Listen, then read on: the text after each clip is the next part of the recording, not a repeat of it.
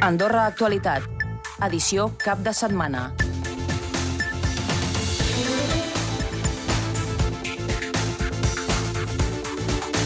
Bona tarda, comencem aquesta edició de l'Andorra Actualitat de cap de setmana, una versió més reduïda on veurem quina és l'última hora informativa. En el més destacat, 100.000 euros és la quantitat recaptada d'IGI per les declaracions de particulars que han demanat el tax free. Són els ingressos dels primers 4 mesos i que suposen prop de la meitat de la totalitat recaptada l'any passat. S'han obert 48 expedients sancionadors per no haver declarat l'impost. I el Festisport ha tancat avui les portes amb una bona assistència de públic, malgrat la pluja. Les activitats tant al Prat Gran com a la plaça de les Fontetes han estat un gran atractiu pel públic assistent. El Videsport també ha tingut una bona afluència de públic.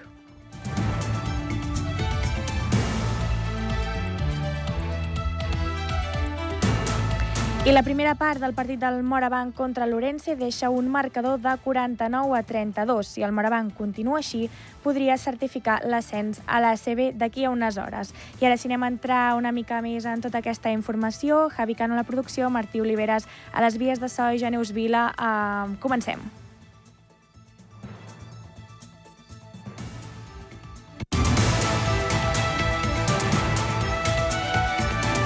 Ràdio Nacional d'Andorra. Serveis informatius. Finances ha recaptat els quatre primers mesos poc de 100.000 euros en concepte dígit de particulars que han sol·licitat desgravar l'IVA.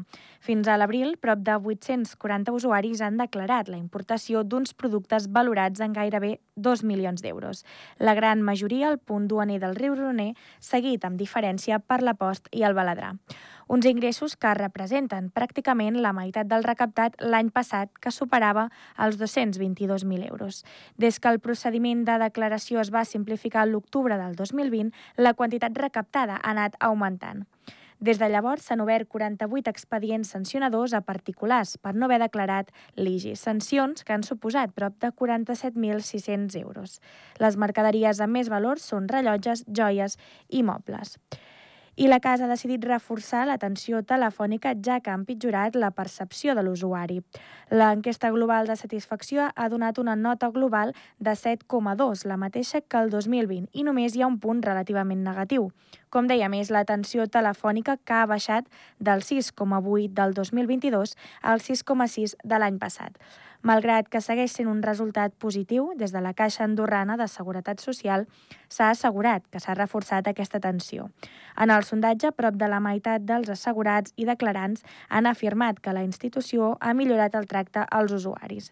De fet, la nota dels usuaris a l'atenció presencial ha pujat del 6,9 del 2020 al 7,4 de l'any passat. Des de l'organisme s'ha explicat que una de les raons d'aquesta millora és que s'ha instaurat la cita prèvia. I la CAS també ha constatat que més de la meitat de les interaccions dels usuaris amb l'organisme es fan a través del portal web. I les 11 oficines de Creant, la nova marca de crèdit andorrà i altres instal·lacions del grup s'estan actualitzant amb la nova imatge. Segons informa l'entitat bancària, es durà a terme de manera progressiva. Treballadors i accionistes van celebrar dijous passat un acte de presentació de la nova marca que també s'implementarà a totes les filials internacionals d'Espanya, Luxemburg i Amèrica. Andorra Actualitat, l'informatiu de Ràdio Nacional d'Andorra sempre al teu costat. I en termes més culturals, la programació del Festisport continua, malgrat la pluja i el temps doncs, que ha fet avui. Aquesta tarda, a la plaça de les Fontetes, tenen lloc un espectacle sobre bicicletes a càrrec de Ilidor Llac. Famílies i nens han pogut gaudir de piruetes i acrobàcies, tot acompanyat d'humor. També hi havia el Videsport, que ha quedat traslladat a l'interior de l'edifici per la pluja, amb la finalitat de donar una segona oportunitat a la roba esportiva. Escoltem el conseller d'Esports del Comú de la Massana, Kevin Paulet hem vist que, que tot i aquestes condicions adverses ha vingut gent, a l'últim espectacle que hem pogut veure amb l'Ilbor hi, ha hagut, hi ha hagut gent, així que, que nosaltres contents. I també el temps no ha pogut aigualir la festa de la primavera, que ha omplert callaueta i riberaigua de música i color. Les companyies Toniton i Cebres Van han amenitzat la jornada que ha comptat amb un bon nombre de famílies que s'hi han atensat tant pel taller d'experiències olfactives com també pels jocs infantils que s'hi feien. Destacar que el Comú ja havia previst instal·lar unes veles per poder mantenir totes les activitats del dia. I a Sant Julià de Lòria s'ha celebrat la segona edició del festival Som Lòria i és que l'objectiu de la temporada d'enguany és recaptar fons per elaborar un estudi sobre els abusos sexuals que pateixen els menors en l'àmbit esportiu al país. La jornada ha arrencat amb una caminada popular on els participants han pogut conèixer millor els camins de la parròquia. Per als més menuts, també a la plaça de la Germandat, han pogut gaudir d'una gincama plena d'obstacles i de jocs. Ho explica la cònsul menor de Sant Julià Julià de Lòria, Mireia Codina, i també el president de la Federació Andorrana de Ciclisme, Gerard Riart. Sí, la veritat és que les coses que són populars mouen gent i el que és bonic de tot això és que veus la família, no? veus nens petits, veus els pares, hi ha gent de totes les edats i això és el que fa que es repeteixi i tingui el sentit que té realitzar curses d'aquestes populars. Fer aquestes jornades esportives per a totes les edats, és a dir, mentre els pares pues, poden anar a fer el tom en bici, pues nosaltres estem aquí amb els nens més petits que aprenguin a això, no? a equilibri, frenar, a, bueno, a la mobilitat de la bici i en definitiva és fer bueno, esport saludable però sense fer competició. Andorra Actualitat. I en esports, el Futbol Club Andorra i el Tenerife jugaran demà a l'Estadi Nacional en partit corresponent a la quarantena jornada de la Lliga de la Lliga Smartbank. Cap dels dos equips, separats per només un punt a la classificació, es juguen res en el partit.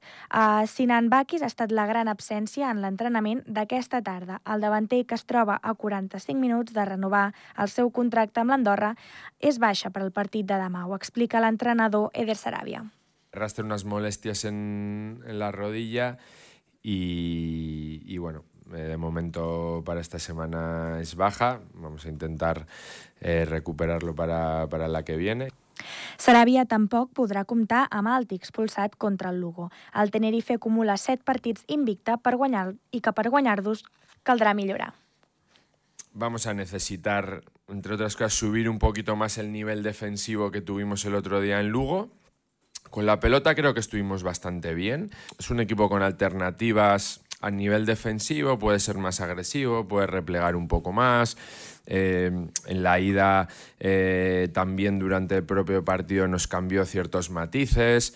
Estamos un poco preparados para todo. Si tú, el rival se te echa encima y solo te hace daño a ti y tú no consigues hacerle cosquillas, pues sigue golpeándote. Si tú eres capaz de responder y de, con tus armas, que tenemos y muchas, eh, de intimidar, pues el rival també se da cuenta de lo que somos capaces. També escoltàvem que ho estava explicant l'entrenador del Tenerife, Lluís Miguel Ramis. I tant Ramis com Saràbia han remarcat que demà trauran el seu millor equip i batallaran com si els anés l'ascens o la permanència. No es lo mismo para el currículum decir que has quedado octavo noveno a decir que has quedado el, el 15. Y a nivel individual, pues, pues está claro, es que mm, lo difícil no es llegar, sino es poder mantenerse. Entonces, cada oportunidad es importante. I el xulet inicial serà demà un quart de cinc de la tarda en directe per Ràdio Nacional d'Andorra i AndorraDifusió.ad.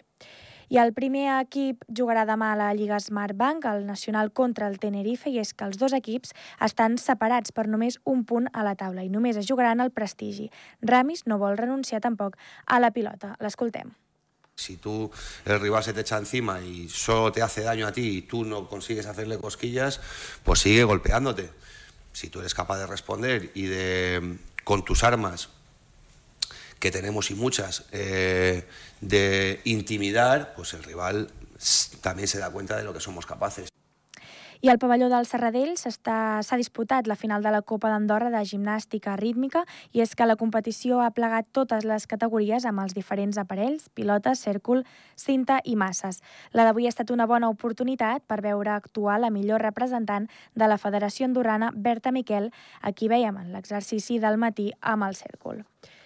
I per últim, l'equip sub-16 del BPC ha posat el colofó a una gran temporada guanyant la Copa Oro de segona divisió a Valladolid. Formen un grup molt cohesionat que s'ha reforçat amb l'arribada d'un grup de jugadores al final de la temporada. Escoltem el coordinador tècnic del BPC, Fede Aguiar, i dos jugadors, Unai Charpel i Joan Pujades. El crecimiento de los niños fue increíble, eh, la cantidad de niños que están entrenando, chicos nuevos, la verdad que fue todo muy, muy positivo este año para ellos. Crec que el col·lectiu és el més important. Si tens un bon col·lectiu guanyes, si no, pues, passa el que passa. Eh, ens ho passem bé al final i que quan les coses s'han de posar sèries, ells també es posen serios. És, és un bon equip, em sembla a mi. Un equip guanyador que confirma un futur molt prometedor per al BPC Andorra. I ara anem a veure quina és la previsió meteorològica per les pròximes hores. Sergi Càrceles. Esperem un diumenge una mica més tranquil, sobretot al matí, quan veurem el sol durant una estona, però a partir del migdia de la tarda els núvols tornaran a agafar força i s'esperen ruixats altre cop que poden afectar qualsevol punt del país.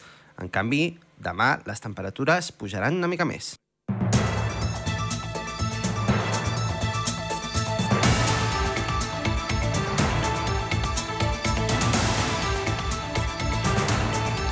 Fins aquí aquesta edició versió de Ruïda de la- de l'Andorra Actualitat. Recordin més informació cada hora en punt en els pròxims butlletins horaris i també ara els deixem amb la segona part de la retransmissió del partit del Morabanc amb l'Ourense. Que vagi molt bé.